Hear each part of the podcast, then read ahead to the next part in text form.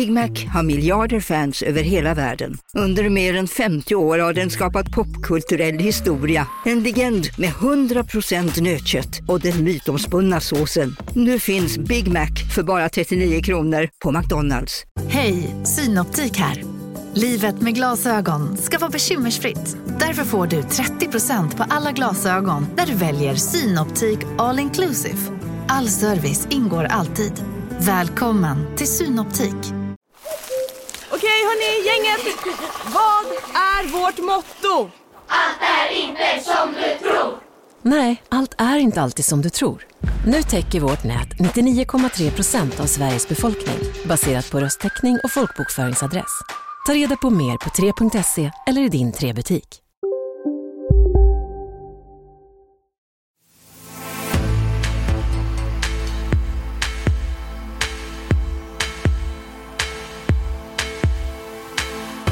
Jag vill ju leda Sveriges regering och är redo att undersöka möjligheterna att bli accepterad av riksdagen.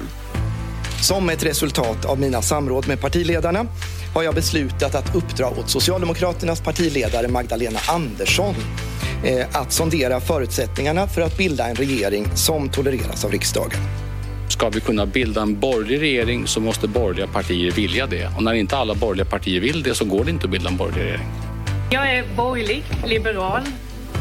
Jag vet att Sverige kan bättre och att den socialdemokratiskt ledda regeringen kan ta sig an de problem som Sverige står inför. Vi är nu överens om att eh, vi inleder förhandlingar med varandra. Det var många LO-förbund som upplevde att dåvarande lagen om anställningsskydd var i stort sett som en stor schweizerost. Knappt fem dygn har Magdalena Andersson på sig och Miljöpartiet och Centern kan hon väl lugnt räkna in, men hur blir det med Vänsterpartiet? Moderaternas Ulf Kristersson talar nu i närmast bittra ordalag om forna alliansvännen Annie Lööf och ovanpå alltihop har LO svängt om anställningstryggheten. Många inrikespolitiska trådar som vi försöker reda ut i veckopanelen vecka 45. Och vi ska också uppmärksamma migrantdramat vid gränsen mellan Belarus och Polen. Jag heter Staffan Dopping.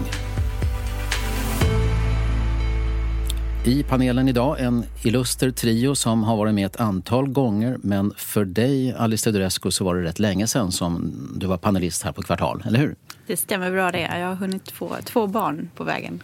Ja, så hade du en, en period som partist i Moderaterna men nu är du mer oberoende som debattör. För tillfället i alla fall, ja.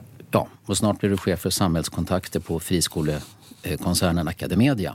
Det stämmer bra det. Lars Ohly är som alla nog minns före detta partiledare för Vänsterpartiet och idag är han förbundssekreterare på socialpolitiska organisationen Verdandi. Välkommen tillbaka. Tack så mycket. Stefan Stern, kommunikationsansvarig på Nordstjärnan, rådgivare vid Wallenberg Foundations och en gång i tiden socialdemokratisk statssekreterare. Hej och välkommen. Tack så mycket. För en vecka sedan var veckopanelen i Göteborg och såg hur den socialdemokratiska partikongressen röstade fram Magdalena Andersson till partiledare. I onsdags gick statsminister Stefan Löfven till talmannen och begärde att bli entledigad. Och i torsdags blev det talmansrunda igen. Och talmannens besked efter att ha träffat alla partiledare blev det väntade.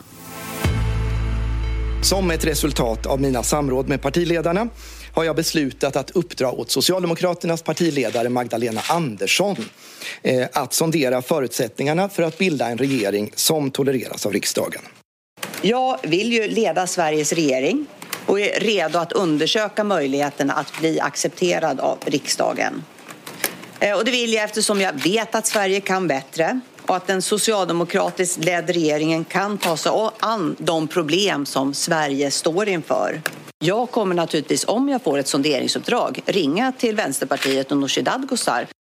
Ja, panelister Teodorescu, Stern och Ohly. Kommer Magdalena Andersson att kunna säga på tisdag förmiddag att hon har löst sin uppgift och kan börja sätta ihop sin regering? Stefan Stern, du kan väl börja? Nej, inte på tisdag, men så småningom så talar ändå logiken för att eh, hon kommer att eh, kunna tillträda som statsminister snarare än att eh, Stefan Löfven som inte vill något hellre än att frånträda den posten i övergångsregeringen får, får lämna. Men inte på tisdag. Alice Teodorescu? Nej, men jag delar den analysen. Vänsterpartiet har ju all tid i världen att eh, konstra och dessutom att sätta ett exempel nu. Därför att det här handlar inte längre om den här mandatperioden utan det handlar om den kommande mandatperioden. Och att verkligen eh, befästa sin position som en del av regeringsunderlaget visavi Centerpartiet. Så förr eller senare, men med betoning på senare. Lars Ohly, blir det senare? Eh, det blir. Vi är nog överens om det. Det kan bli på tisdag, men jag tror kanske också att det kan ta ytterligare några dagar. Direkt efter Socialdemokraternas nya partiledare så var det Ulf Kristerssons tur att bli bjuden på kaffe av talman Andreas Norlén. Centern kan tänka sig att bilda en socialdemokratisk regering som förhandlar med Vänsterpartiet men inte en borgerlig regering som förhandlar med Sverigedemokraterna. Det är ett nytt besked. Men det är också en tydlig varudeklaration inför nästa års val. Så mitt sikte är nu helt inställt på nästa års val. Alice, vad säger du om Ulf Kristerssons eh, tonfall och budskap i, eh, tidigare i veckan? Nej, men han gör ju den analys man kan göra utifrån hur verkligheten ser ut. Centerpartiet valt, har valt väg. De valde egentligen väg redan under den föregående mandatperioden när man inte ville ställa upp eh, ihop med Alliansen i fråga om till exempel Transportstyrelsen och eh, amnestin för ensamkommande och sådär där man gjorde egna bedömningar. Eh, så att Alliansen har varit död länge och den är fortsatt död så länge Annie Lööf sitter som partiledare skulle jag tro. Lars, har Kristersson anledning att låta så här sur på sin forna allianspartner Annie Ja, bitter ska han vara. Och, och fult är det. Eh, men han har anledning till det.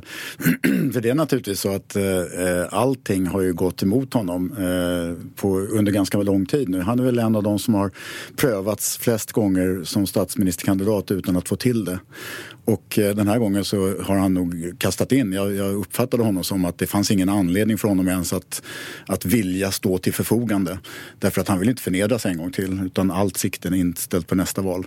Eh, och sen är det ju så att en, en röst på, på Centern är inte en röst på socialdemokratin, det är en röst på Centern och en röst för ett eh, Sverige utan SD-inflytande. Det är det viktiga. För att stödja Stefan Löfven vid statsministeromröstningen i juli skaffade sig Centerpartiet löften om två sakområden. Det gällde ett uppluckrat strandskydd i gles och landsbygd och stärkt äganderätt för skogsägare. Och det här blev ju klart i onsdags eh, att Stefan Löfven hade fått ihop regeringspartierna och Centern om skog och stränder. Och då fick vi höra hur nöjd Annie Lööf var med den uppgörelsen. Men idag har regeringen eh, gått Centerpartiet till mötes genom att eh, fatta beslut om att eh, göra om strandskyddslagstiftningen i grunden. Att göra det enklare att bo, bygga och verka i våra gles och landsbygder. Men också att stärka äganderätten för landets skogsägare där nu frivillighet och inte tvång blir utgångspunkten framöver. Därför så kan vi tolerera Magdalena Andersson och trycka gul knapp i en statsministeromröstning.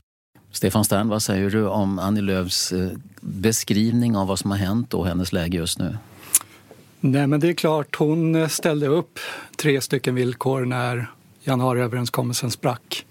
Och det ena gällde äganderätten i skogen, den andra gällde uppluckrat strandskydd och det tredje gällde liberaliseringen av arbetsmarknaden och förnyelsen där via LAS. Och, och de uppfylldes ju ur hennes perspektiv. Men hon har ju en annan sak som hon också betonade är att hon inte vill att eh, det som hon kallar ytterkantspartierna har eh, något inflytande. Och det gäller ju SD men det gäller ju i lika hög grad eh, det andra ytterkantspartiet som också har ett odemokratiskt tveksamt förflutet och som för bara några årtionden sedan hyllade diktaturer bakom järnridån. Så att Centern har ju nu fått sina villkor uppfyllda men det vi ser nu fortsatt det här det är inte så vackert det som visas upp. Det har ju att göra med att det andra ytterkantspartiet, eh, Vänsterpartiet, försöker slå sig in. Eh, och eh, därav de här, de här problematiska samtalen som nu har blivit förhandlingar som vi ser i media. Eh, jag är borgerlig liberal, sa Annie Lööf på en fråga häromdagen till Expressen. Men Moderaterna säger nu att Centerpartiet har bekräftat sig som ett stödparti till Socialdemokraterna. Eh, eh, apropå det ni var inne på här. Elisabeth Svantesson och Gunnar Strömmer skriver på Expressen Debatt att den enda rimliga slutsatsen som väljarna kan dra inför valet är att en röst på Centerpartiet är en röst på Socialdemokraterna. Eh, Alice Teodorescu, har, har Centerpartiet brutit för gott nu med både moderater, kristdemokrater och liberaler? Nej, ingenting är för gott i politiken. Men för nu och under Annie Lööf är det brutet. Därför att det finns inget förtroende. Och politik, precis som alla andra mänskliga relationer, handlar om förtroende. Och hon har ju målat in sig i ett hörn och hon har ju personligen vikt hela sin trovärdighet i den här frågan. Och jag tycker personligen att det hade varit hederligare att säga att för Centerpartiet och för Annie Lööf personligen så är SD-frågan överordnad allting annat. Därför att man gick in i det här samarbetet som den liberala motorn och så här eh, tre år senare så ser vi att det är inte så mycket som har fallit ut på det sättet som man förväntade sig. Den här stora segern som hon beskriver, den beskriver Miljöpartiet som en lika stor seger, vilket ju är oförenligt hur det kan vara så. Eh, och hade man då istället sagt så här, vi är genuint oroliga för vad SD-inträdet i en, i ett regeringsunderlag kommer innebära för Sverige. Därför lägger vi alla sakpolitiska frågor åt sidan och vårt enda syfte här är att se till att de inte får något inflytande. Det hade, det hade väckt respekt tycker jag. Men att påstå att man får igenom sina liberala reformer när alla kan se att så inte är fallet, det är att nedvärdera väljarnas intelligens. Och det tycker jag att man ska hålla sig för god för när man är partiledare. Vad säger Lars och Stefan om det? Alltså jag jag är inte så säker på vad den här uppgörelsen om strandskyddet innebär egentligen. För att det måste ju utredas och läggas fram förslag innan vi vet vad det handlar om. Eh, jag, är, jag tycker inte att några av de här förslagen från Centerpartiet går i rätt riktning. Men om strandskyddet eh, uppluckras på det sättet att man fortfarande har tillgång till stränderna. Om det fortfarande är så att man får bygga närmare stranden men man får inte lägga beslag på strandremsan. Så att det fortfarande finns en allemansrätt och en möjlighet att faktiskt gå längs insjöar och sådär. Då tycker jag inte att det är det värsta. så alltså, det, det kan jag leva med. Eh, däremot om man får bygga så att man faktiskt skärmar av strandremsan så att människor inte kommer fram. Nej, det vill jag inte vara med om i någon, på någon sjö överhuvudtaget. Och Men Miljöpartiet var ju nöjd nöjt med det här, då måste väl det där rimligen ha varit nej, tillgodosett? Nej, därför att det, det, är inte klart hur det kommer att se ut. Så därför kan Centerpartiet och Miljöpartiet säga samtidigt att ja, vi är väldigt nöjda. Därför att det ska utredas och så hoppas och tror de att de ska få igenom sina förslag i utredningen och det framtida regeringsförslaget. Men det är inte alls säkert. Och någon kommer ju bli besviken. Säkert. Den person, eller det partiets väljare kommer ju att ha skäl att vara väldigt besvikna. Talmannen Andreas Norlén, som nu blir en huvudperson igen, han markerade i torsdags att regeringsbildningen inte får dra ut på tiden. Min uppfattning är att den här regeringsbildningen eh, inte eh, kan pågå till jul utan att vi behöver ha en regering så fort som möjligt. Och jag kommer såklart att agera för att det ska bli en så snabb regeringsbildning som möjligt. Det tror jag ligger i allas intresse, inklusive svenska folkets intresse som jag faktiskt tror förväntar sig att den här frågan blir löst ganska snabbt. Ja, Lars Ohly, vad säger du om det här att Andreas Norlén la på en extra dag för att kunna hjälpa alla vänster, vänsterpartister i riksdagen och kunna fira helgen i Göteborg på vänsterdagarna? Ja, så mycket reklam har väl aldrig vänsterdagarna fått, tror jag, som när Anders Norlén, eh, just med Andreas. hänvisning till, nej, förlåt, Andreas Norlén, just med hänvisning till dem eh, sköt upp det här eller sa att det kan förlängas. Jag tror väl precis som vi var inne på i början att det kommer att kunna förlängas lite grann också. Eh, därför att det här kan behöva lite mer tid än de här fem dagarna särskilt som Nooshi nog är rätt upptagen i helgen. Nooshi Dadgostar, eh, som har blivit väldigt mycket huvudperson i svensk politik, hon sa i torsdags, alltså igår när vi spelar in det här, eh, vad hon kräver för att släppa fram Magdalena Andersson.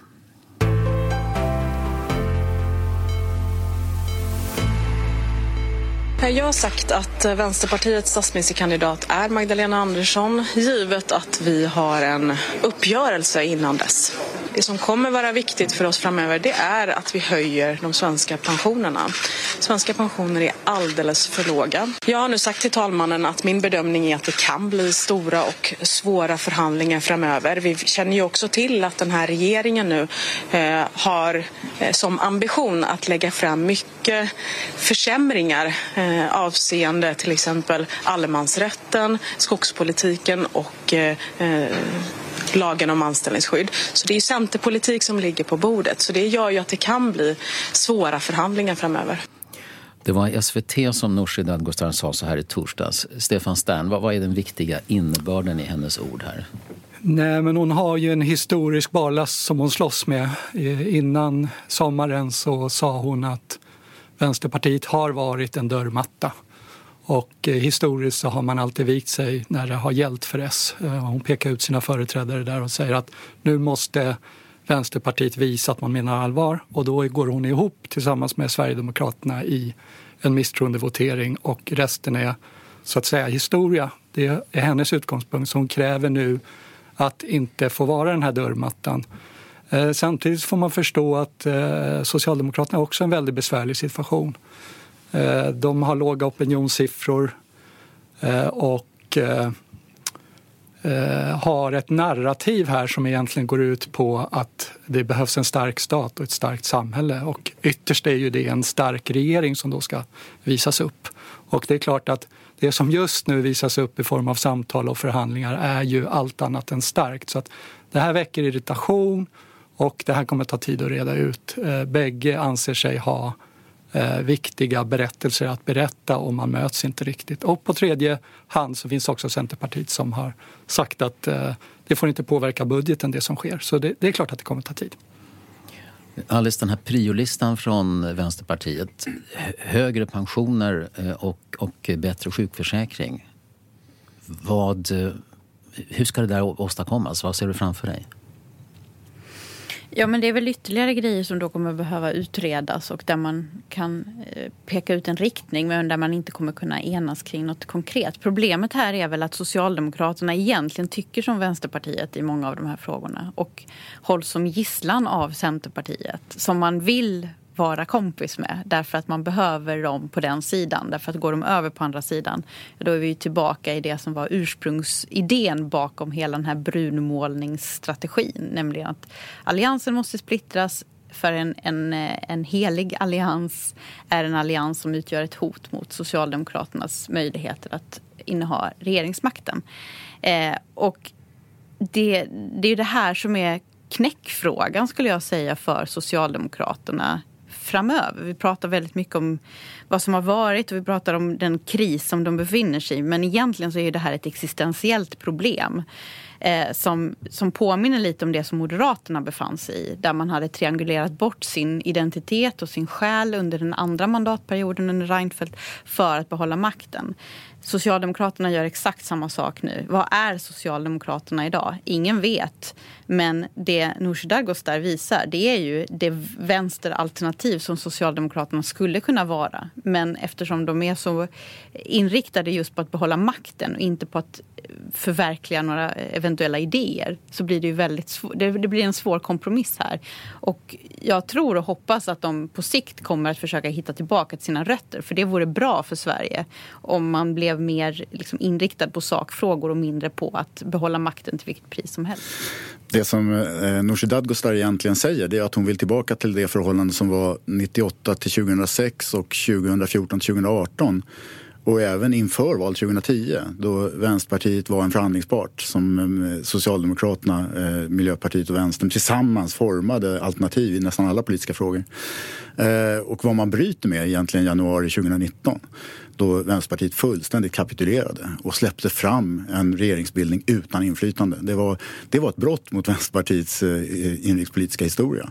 Var, var det då partiet blev dörrmatta? Eh, nej, vi har nog varit i, i perioder även tidigare, till 60 och 70-talen. Så, så, och, och Hilding Hagberg var ju verkligen dörrmattan om någon. Men, men om man... Eh, men du har varit dörrmatta också med andra ord? Ja, om man tar, går tillbaka till 98 till 2006, då hade vi verkligen ett, eh, ett samarbete där Miljöpartiet och Vänsterpartiet, ingen av dem ingick i regeringen men, men båda hade inflytande över regeringspolitiken, förhandlade fram sammanlagt 16 budgetar och sådär. Eh, och eh, det som hände i januari 2019 det var ju att man faktiskt bröt mot det och accepterade en regering med den uttalade målsättningen att Vänsterpartiet skulle stå utan inflytande. Häpnadsväckande katastrofalt kapitulation. Men man skulle räknas in i regeringsunderlaget ändå. Och det, det är ju helt bisarrt att, att man gick med på det men också att, att Centerpartiet tycker att det ska vara så. Nej, men det har blivit en diskussion om Vänsterpartiet här. Jag, jag tycker faktiskt det är intressant generell reflektion att sådana här block som vi har eller samarbeten det brukar baseras på den ekonomiska politiken. Det är det som brukar kitta samarbeten och block och till och med regeringsbildningar samman. Och det där gäller ju inte riktigt längre, för det är ju som Alice säger, hade det bara varit den ekonomiska politiken så står ju Vänsterpartiet och S efter den här perioden där S tycker att de har förvaltat Centerpartiets politik i minst en mandatperiod. De står ju närmre varandra än någonsin. Utan det är ju andra konflikter nu som definierar de så kallade blocken. Och en sån konflikt som S håller väldigt högt det är ju det som eh, statsvetarna kallar för brunsmetning. Det vill säga man vill hålla rågången mot Sverigedemokraterna. Och även på den punkten så har ju Vänsterpartiet flyttat nålen på ett sätt den här mandatperioden som, som kommer definiera dem och deras gärning den här mandatperioden. De har både 2019 gått ihop med Sverigedemokraterna för att ändra sakpolitik och de har nu i somras eh, baserat hela sin misstroendevotum på eh, att Sverigedemokraterna samarbetar med dem. Det vill säga de har en dubbelstandard vad gäller synsättet på Sverigedemokraterna. Det de själva gör, det får ingen annan göra. Och det är klart att det här förstör ju maktstrategin för Socialdemokraterna som, som använder den här, eh, det statsvetare kallar för brunsmedning för att vinna även nästa val. Och, eh, så att det är en väldigt komplex förhandling som nu ska eh, äga rum. Det väcker ont blod och man, man förstår vad den andra gör men man gillar inte det man ser. Jag kommer att tänka på sommarens regeringskris eh, när Nooshi Dadgostar nästan eh, nästan, inte, ska inte säga panik, men alltså hon, hon vädjade i riksdagen. Stefan Löfven, hör av dig, ring oss, tala med oss, hjälp, hallå, var, var är Mag och även Magdalena Andersson, hör av er på något vis. Ni, måste få, ni får inte prata med mer. er. Eh, och sen kom då de här kraven på att det inte bara ska vara ett samtal utan det ska vara verkligen förhandlingar, säger Nooshi Dadgostar nu bergsäkert. Eh, och idag, fredag när vi spelar in det här, så har det här första mötet mellan Andersson och Dadgostar skett på Sveavägen 68 och eh, då efter det lät Nooshi Dadgostar så här. Vi är nu överens om att vi inleder förhandlingar och min ambition är att det ska i slutändan landa i ett avtal. Vi kommer att hantera många olika frågor och när vi har ett eh, avtal som vi är överens om eh, då kan vi släppa fram en ny regering. Ja, det går hennes väg uppenbarligen. Förhandlingar, ett ord som också Magdalena Andersson använder nu. Och ett avtal ska det komma, förväntar sig Nooshi Dadgostar som också har eh, antytt eller sagt att hon tror att det här kommer ta lite längre tid. Eh, blir det ett avtal efter dessa förhandlingar, Stefan Stern? Ja, det blir ju naturligtvis någon form av avtal därför att Magdalena Anderssons projekt är ju inte att vara ordförande för 75 000 medlemmar i en förening, företrädesvis pensionärer, utan hon vill bli statsminister. Så det är klart, hon är beredd att gå ganska långt för att ingå det här avtalet. Men Problemet är ju att det Nooshi Dadgostar vill det är dels kasta bort eh, sin historik här med företrädare som var dörrmattor men hon vill ju också eh, ha ett erkännande från eh, eh, Centern att kunna framåt nästkommande mandatperiod eller så ingå i, i ett samarbete och även ett budgetsamarbete. Och det kommer ju inte att ske, så vitt jag kan bedöma. Därför att Centern har ju låst sig väldigt liksom, hårt vid att bägge de här ytterkantspartierna ska hållas kort. Så, att, så att det, det, är liksom ett omöjligt uppdrag. De kan komma överens nu om kortsiktiga saker som ligger lite framåt i tiden och sen kommer tiden eh, springa, springa iväg och det där kommer som jag bedömer bli överspelat på ett eller annat sätt eh, inför nästa mandatperiod. Alice Teodorescu, kommer, vad kommer Centerpartiet att säga eh, när det nu är uppenbara förhandlingar som sker mellan eh, blivande statsministern och, och Vänsterpartiets ledare? Ja, vad ska hon säga? Hon kan inte säga någonting. Hon får gilla läget. Ja, det, det har, hon har ju sagt så här ja. att, att vi släpper fram eh, Andersson som statsminister. Budgetfrågan, det är en helt annan sak. Det är parallellt spår. Mm. Jo, men hon kan inte säga någonting därför att hon har ju målat in sig i ett hörn där alternativet är något slags nazistiskt maktövertagande. Och i ljuset av det så är ju liksom fromma vänsterpartister av idag inte så farliga. Så hon kommer hitta någon någon retorik kring detta som gör att det ändå blir legitimt och det här kommer att lösas ut. Det kommer ta tid men det kommer lösas ut och så länge hon sitter kvar så kommer de att vara en del av Socialdemokraternas regeringsunderlag och hon kommer då ha blivit snuvad inte bara på politiken utan också på den trovärdighet som hon faktiskt hade. Det var ju Centerpartiet som drev fram regeringskrisen i somras därför att de vägrade att acceptera att Vänsterpartiet var en del av regeringsunderlaget och ställde krav utifrån det. Och hade man redan i förväg sagt att nej men okej då, vi skippar marknadshyrorna då hade ju Stefan Löfven suttit kvar utan att det hade behövt bli någon ny omröstning eller någonting. Men nu gick det så långt därför att Centerpartiet var halsstarriga och envisa. Men sen när väl Stefan Löfven hade avgått, ja då var Centerpartiet plötsligt beredda att acceptera Stefan Löfven igen utan marknadshyror. Det hade man ju kunnat lösa tidigare ifall man hade haft lite politisk fingertoppskänsla från Centerpartiets skull. Men, men håller du, eh, Lars Ohly, med om att eh, Centerpartiet förmodligen inte kommer säga nej, nej nu har ni brutit mot eh, vår, vår överenskommelse. Nu har ni förhandlat här budget och, och, pengar och sånt där. Så nu så tänker vi rösta rött istället. Nej, jag är ganska säker på att de kommer att rösta gult. Och, och det har hon ju också väldigt tydligt sagt. Och det innebär, tror jag också, att Magdalena Andersson och hon har täta kontakter om vad som sägs i samtalen med Nooshi Dadgostar. Så att jag tror inte att Centerpartiet sitter utan inflytande i de förhandlingarna heller. Utan de kommer säkert att acceptera en lösning eh, eh på något sätt. Eh, Magdalena Andersson är inte dum. Hon inser att alla fyra partierna behövs för att hon ska bli vald. Det som har skett på senare tid och som sker nu, jag tycker faktiskt själv att det är rätt svårt att, eh, att, att förstå många av de här beståndsdelarna. Och då funderar jag på, blir det begripligt för den stora gruppen väljare som sker just nu?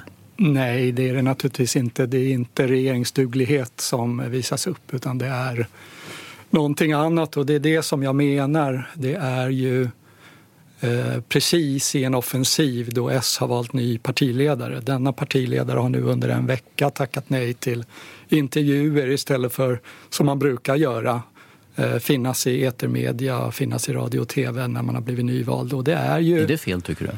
Nej, men det är ju av lätt insedda skäl hon har gjort det. Därför att det är klart, hon får ju bara frågor om, om eh, det politiska spelet och eh, om den här eh, regeringsdugligheten som, som, som inte finns. Och det är när hon har satt berättelsen att det behövs en stark stat, en stark regering. Och Coronakommissionen har redan... Starkt samhälle är väl ändå det begrepp ja, som jag, används mest? Jag tror, jag tror det är en liten sammanblandning där mellan stat och samhälle. Alltså det handlar ytterst om en stat som ska vara stark och ytterst på den staten eh, sitter en regering naturligtvis. Och just nu kan hon inte leverera eh, Eh, den starka staten och då, och då eh, tackar hon nej till intervjuer. Och eh, man kan säga att det var Centerpartiet som hade kunnat vara smidigare som Lars Ohly säger men det vänsterpartistiska projektet ur S-synpunkt det var ju att knyta band till Hyresgästföreningen, knyta band till fackföreningsrörelsen, börja bli inbjuden i den infrastruktur som ungefär sedan 1917 egentligen har uteslutit Vänsterpartiet på sina sammanslutningar. Inte varit inbjuden till kongresserna, inte fått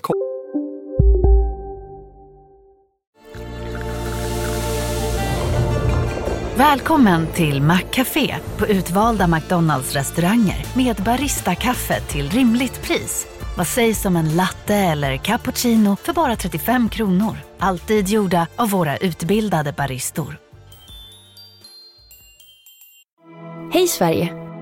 Apoteket finns här för dig och alla du tycker om. Nu hittar du extra bra pris på massor av produkter hos oss. Allt för att du ska må bra. Välkommen till oss på Apoteket. Ni är med om det största. Och det största är den minsta. Ni minns de första ögonblicken. Och den där blicken gör er starkare. Så starka att ni är ömtåliga. Men hittar trygghet i Sveriges populäraste barnförsäkring. Trygg Hansa. Trygghet för livet. komma på föreningsmötena. Så att ur S-synpunkt så är det ju så att Vänsterpartiet eh, har ett projekt som S inte tycker är särskilt eh, ur deras perspektiv eh, bra. Alice, håller du med om att Vänsterpartiet har varit väldigt skickligt sen Dadgostar blev partiledare? Jag vet inte om hon har varit så skicklig eller om de andra har varit så oskickliga. Men det hon har visat det är ju att det finns någon slags samband mellan det man säger och det man gör. Och det tror jag att väljarna premierar och det tycker jag ju som ideologiskt står väldigt långt ifrån henne också om att se. Eh, och det är det jag menar. Jag tror att det är otydligt för väljarna vad som händer men det som är väldigt tydligt är att löften inte betyder någonting. Och det tror jag att väljarna tar väldigt hårt på. Och det ska bli väldigt spännande att se hur man ska driva en valrörelse nästa år eh, ur Socialdemokraternas och ur Centerns perspektiv framför allt. Där allt det man har hotat med, Socialdemokraterna hotade med typ allt som det, det som sen stod i januariavtalet. Om det skulle förverkligas så skulle Sverige gå under. Sen går man med på det bara för att få makten eh, och liera sig då med Centerpartiet som ju är ett extremparti sett ur det perspektivet. Så att ja, hatten av för Vänsterpartiet skulle jag säga som, eh, som visar att, att det man står för ideologiskt också måste betyda någonting i sakpolitiken och att inte allting kan reduceras till ett spel och till, till en fråga om makt. Eh, sen kommer ju Vänsterpartiet oavsett vad som händer ändå att släppa fram Magdalena Löfven. Så det är Magdalena Löfven. Magdalena Andersson. Ehm, så, så den, på så sätt så är det lite av ett spel ändå. Men det är ett spel med lite muskler i och jag gillar det. Det, det, är, en, det är en initiering av någonting positivt som behövs i svensk politik. Man menar det man säger och så gör man det man har sagt. Det var en väldigt rolig felsägning. ja. Det kommer fortfarande fram folk till mig och pratar politik eh, ganska ofta. Och det de säger nu, det är just precis det som Alice säger här. Att nu har ni fått en tjej i ledningen för Vänsterpartiet som står för vad hon säger. Mm. Att nu, nu, hon, det trodde inte Stefan Löfven, det trodde inte Annie Lööf, men hon visade att hon stod för det. Och det, eh, du frågade, började med fråga, förstår folk vad som pågår? Nej, i, mycket av spelet är, är fördolt för, för allmänheten och, och svårt att förstå även för oss som är politiskt intresserade ibland. Men det där förstod man. Att här var det någon som sa det här tycker vi, det här går våran gräns och vi kommer inte att vika oss. Och så gjorde hon inte det. Och det har fått eh, Vänsterpartiet att växa i opinionen också. Lars Ohly, du är inte medlem längre av Vänsterpartiet. Nej, jag är inte medlem. Men nu när du ser, du låter så väldigt beundrande och förtjust i det som, du, som sker här. Är det så att ja, du... jag är väldigt, väldigt glad över Norsis eh, sätt att leda Vänsterpartiet just nu. Eh, men det är inte aktuellt att jag ska bli medlem igen. Jag är fullt upptagen med socialpolitik i Verdandi. Eh, Stefan Stern, eh, det är väldigt, väldigt, få som tror att det inte blir till slut Magdalena Andersson som, som, som blir statsminister och sånt där. Men uppenbarligen kan det bli en, en, Vad kommer ske på vägen om det nu stämmer det här att det här inte kommer gå enligt eh, det tidsschemat som är mest optimistiskt? Nej, men det är ju nära ett ordinarie val och vi har ju inte det som kallas rullande mandatperioder i Sverige. Det vill säga efter ett extra val så får man fyra år till. Och det där ger ju incitament att i princip nu eh, sitta still i båten och låta det som sker, sker. Annars hade det varit en annan situation. Nej, det som kommer hända det är ju att vi får en övergångsregering under en period och det enda som grundlagen säger egentligen som eh, en sån regering inte får göra det är just att utlysa nyval. Men sen finns en praxis att, att man inte ska ta initiativ politiskt som är kontroversiella. Så att eh, det kommer egentligen inte hända någonting om det här tar lite tid. Eh, mer än att eh, Löfven får sitta kvar en stund till. Eh, men det som du säger och som vi alla är överens om, eh, inom sinom tid så kommer Magdalena Andersson eh, tillträda. Och då kommer vi få se någon form av ny regeringsbildning. Och från och med då så, så behöver ju S ta eh, initiativet eftersom de ligger illa till i opinionsmätningarna om de ska ha en chans att vinna ett tredje val, vilket är extremt svårt. Några ord om LOs fotbyte i veckan om lagen om anställningsskydd. Det som Svenskt Näringsliv kallar en fortsättning på den svenska modellen.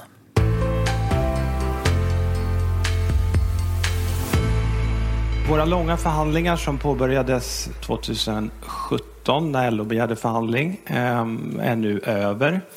Vi har enats. Det var många LO-förbund som upplevde att dåvarande lagen om anställningsskydd var i stort sett som en stor schweizerost. Den fungerade inte. Svenskt Näringslivs vice vd Mattias Dahl och LOs ordförande Susanna Gideonsson berättade i onsdags att de är överens. De ska rekommendera sina beslutande organ att godkänna ett nytt huvudavtal på den privata arbetsmarknaden. Det här hänger ihop med ändringar i LAS, lagen om anställningsskydd. Förra hösten sa ju LO nej till det här men två stora förbund, Kommunal och IF Metall, sa efter ett tag ja.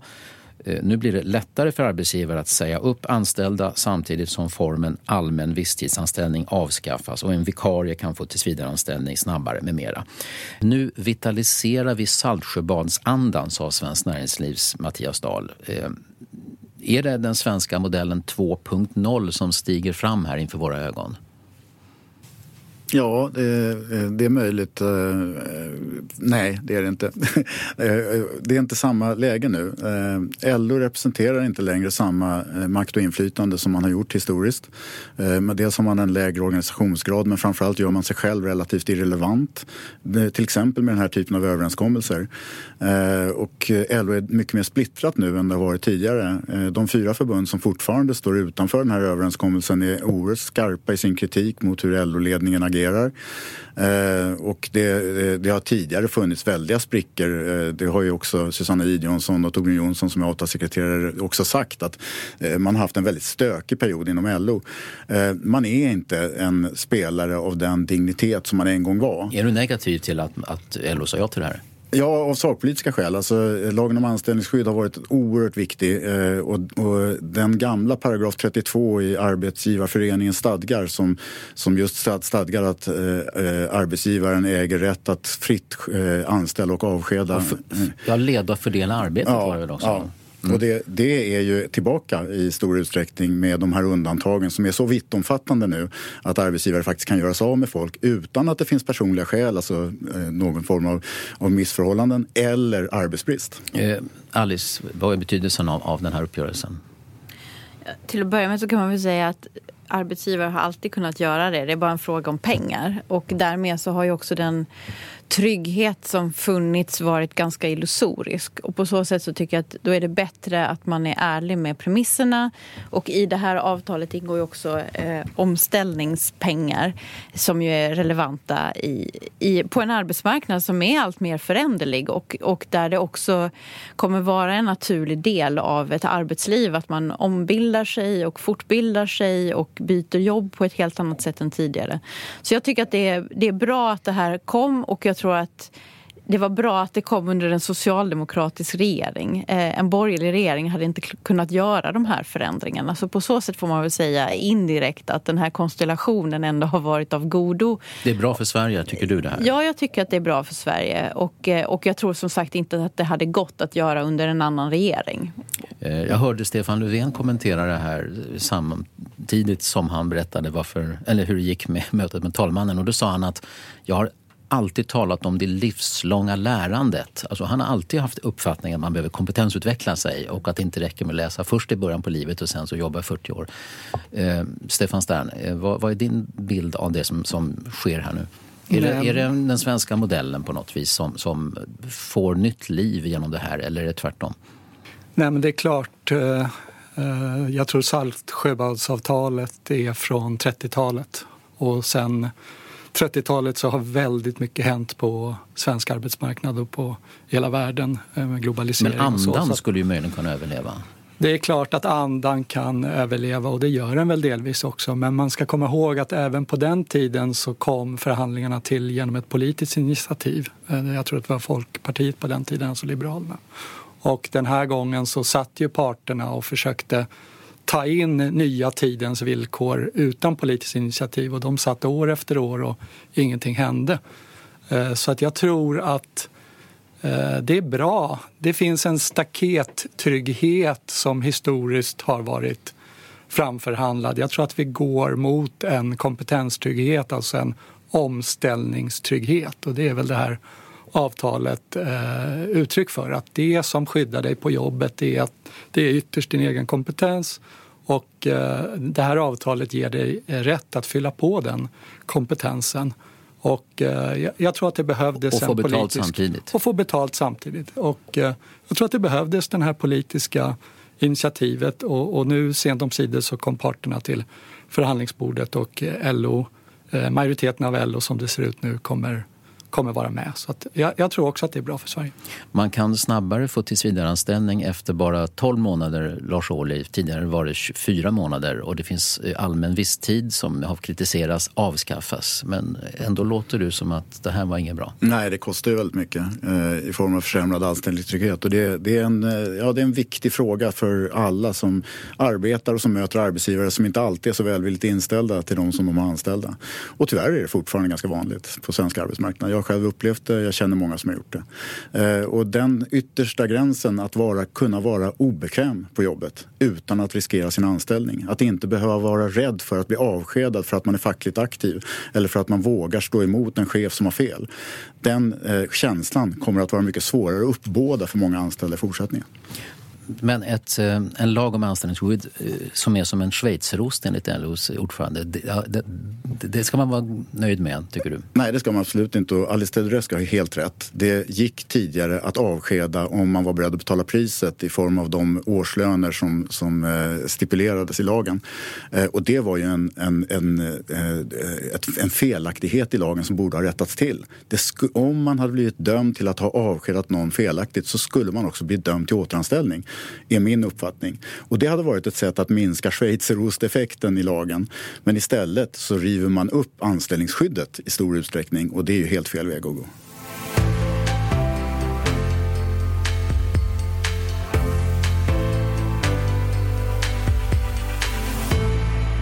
Hej! Jörgen Wittfeldt från Kvartal här. Du som hör det här tillhör förmodligen den växande skara som ibland eller rent av ofta eller alltid lyssnar på våra poddar Fredagsintervjun, Veckopanelen och Den svenska modellen. Om du gillar dem så tror jag att du kommer gilla det jag ska berätta om nu. Vi har nämligen fortfarande några platser kvar till det vi tror och hoppas blir kvartalårets höjdpunkt. Vår höstmiddag på Thanksgiving-tema. Där kan du bland mycket annat förstås träffa och prata med oss i redaktionen. Tisdagen den 23 november bjuder vi in till en hel kväll på Sjöfartsvåningen på Skeppsbron i Stockholm. Förutom att du kan njuta av en trerättersmiddag med särskilt utvalda viner och livemusik från vårt jazzband så bjuder vi också på en specialupplaga av Fredagsintervjun som sker på plats inför dig som är publik. Kvällens gäst är DNs publisher Peter Wolodarski som jag länge velat få till Kvartals intervjumikrofon. Det finns massor av frågor vi vill ställa till Sveriges kanske mäktigaste publicist.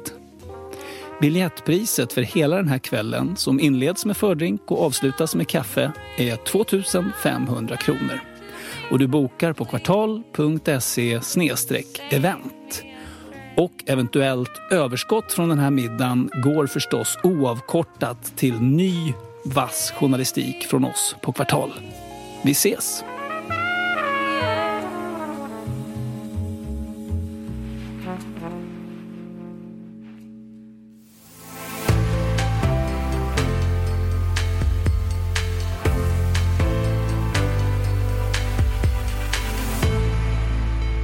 FNs säkerhetsråd så har de sex västliga medlemsländerna fördömt Belarus för hur landet beter sig vid den belarusisk-polska gränsen där tusentals flyktingar och migranter är strandsatta.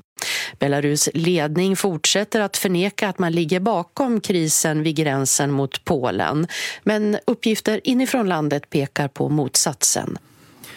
Ekot och många andra har i flera dagar rapporterat om den kris som har uppstått vid gränsen mellan Lukasjenkos Belarus och Polen. Mer än 2 000 migranter från Mellanöstern har samlats där, uppenbarligen med hjälp av Belarus myndigheter och vill till Tyskland och andra västliga EU-länder. EU kallar det för en hybridattack och diktatorn Lukasjenko hotar att använda gasleveranser som ännu en påtryckning mot Västeuropa. Eh, det går ju gasledningar eh, genom Belarus som uppenbarligen går att vrida på kranen. Hur allvarlig eller farlig är den här situationen, Stefan Stern?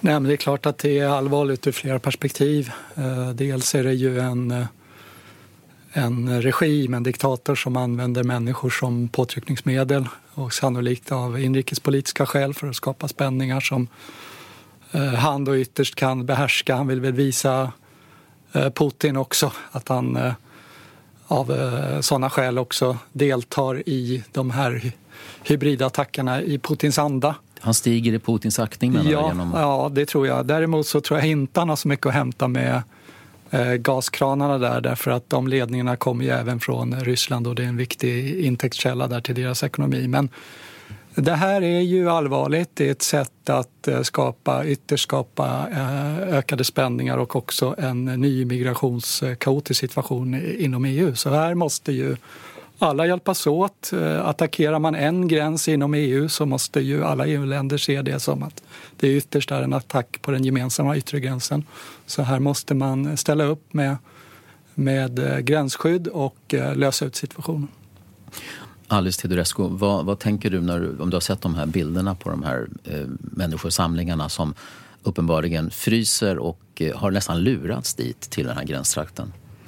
Nej, men det är ju fruktansvärda bilder och eh, det visar ju dels på faran med med att ha kvar det befintliga asylsystem som vi har idag som uppenbarligen kan utnyttjas och missbrukas och där man använder människor, eh, desperata människor i många fall, eh, som, som maktmedel. Eh, så att ett perspektiv på det är ju just att vi har en, en asyl rätt som är satt ur spel och som kan missbrukas både av eh, stater, regimer, diktatorer och enskilda människor. Eh, och den behöver ses över och eh, Europa, EU behöver ha en gemensam linje där.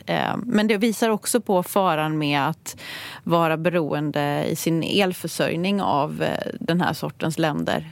Vi är otroligt sårbara i Europa och i Sverige Eh, så att det är allvarligt på väldigt många, många perspektiv tycker jag.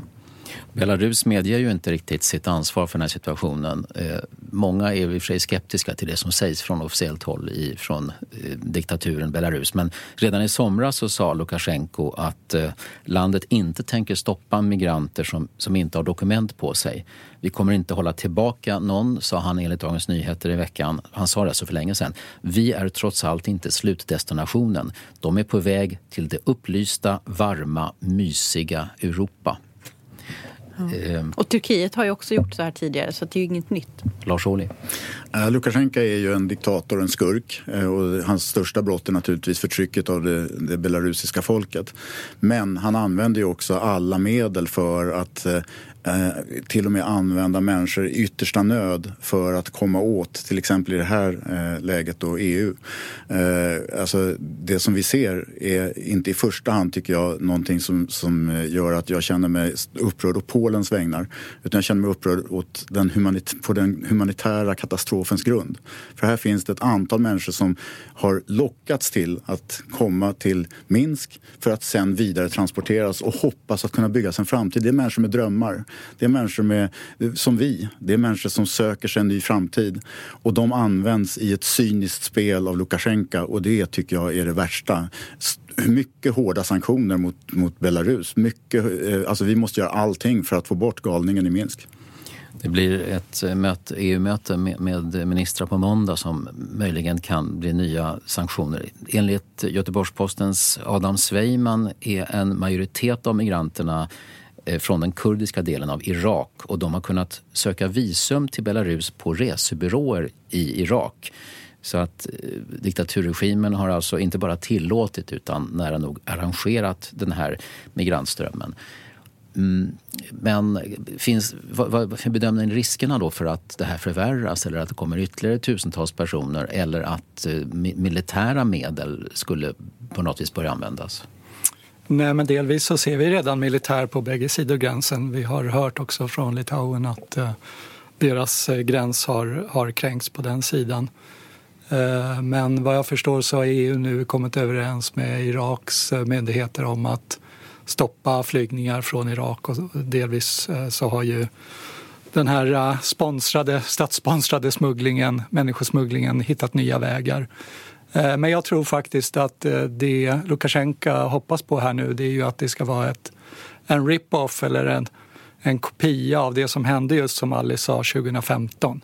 Alltså där det slutar med att EU får göra upp om ekonomisk kompensation till den nation där eh, flyktingströmmen kommer ifrån. Det vill säga det som hände med Turkiet efter 2015 års utveckling skulle då hända med, eh, med Belarus och det kommer naturligtvis inte inträffa. Det är inte så, det är inte så händelseutvecklingen kommer att ske och jag tror att eh, eh det här kommer strypas, strypas till.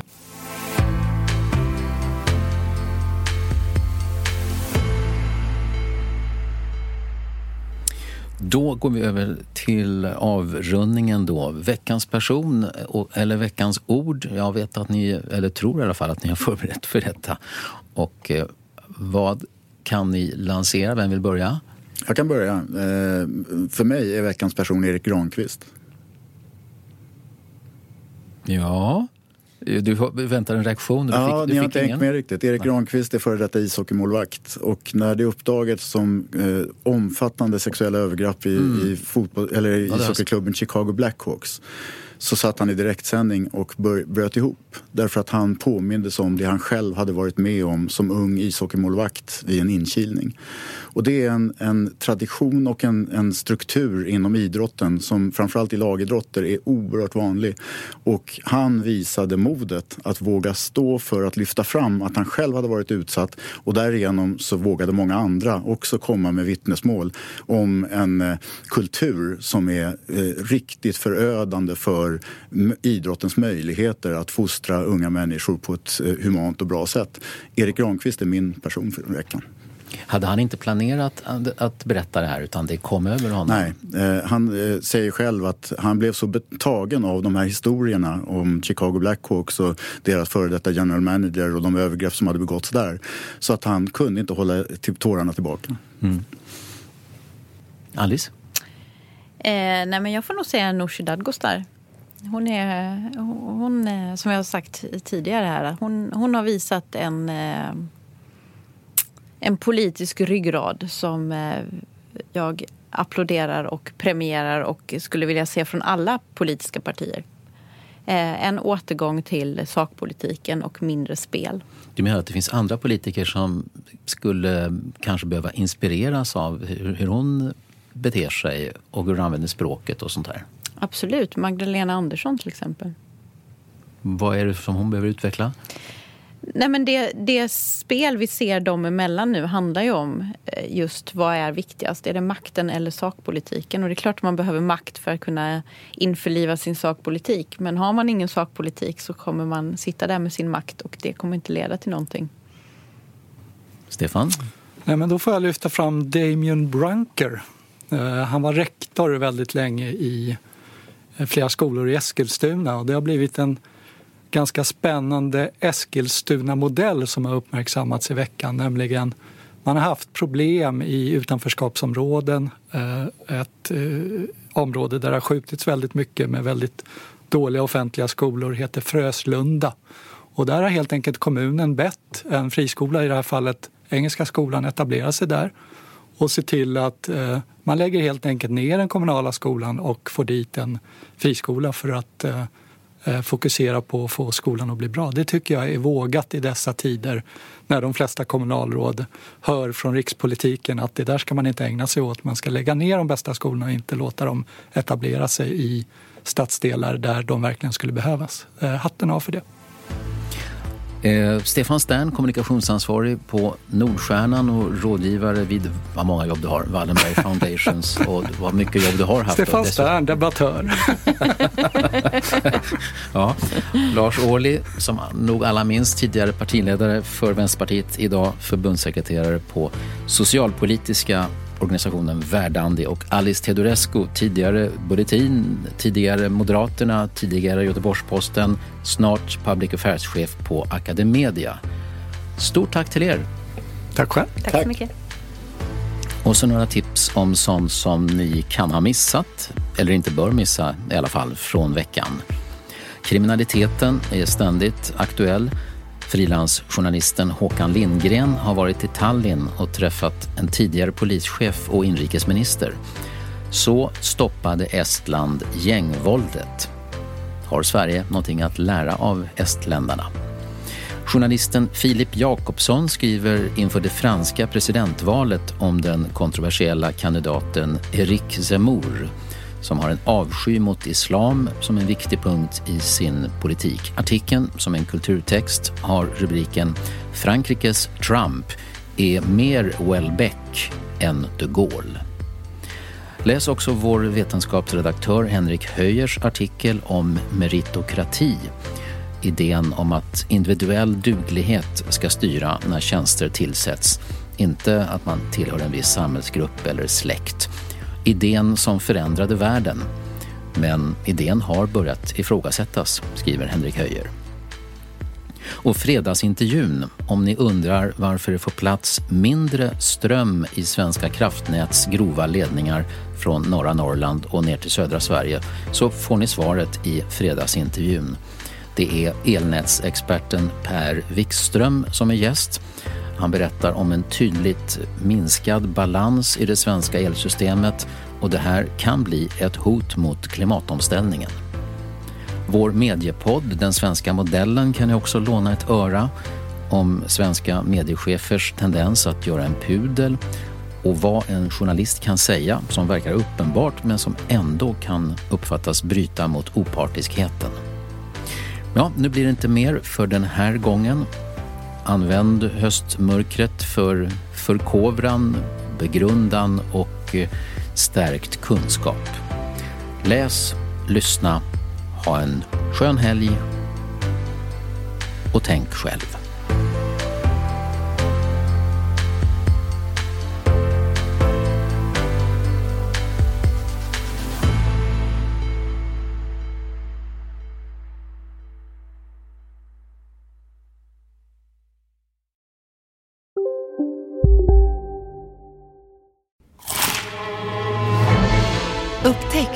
Vackra ljudet av McCrispy Company för endast 89 kronor. En riktigt krispig upplevelse. För ett ännu godare McDonalds.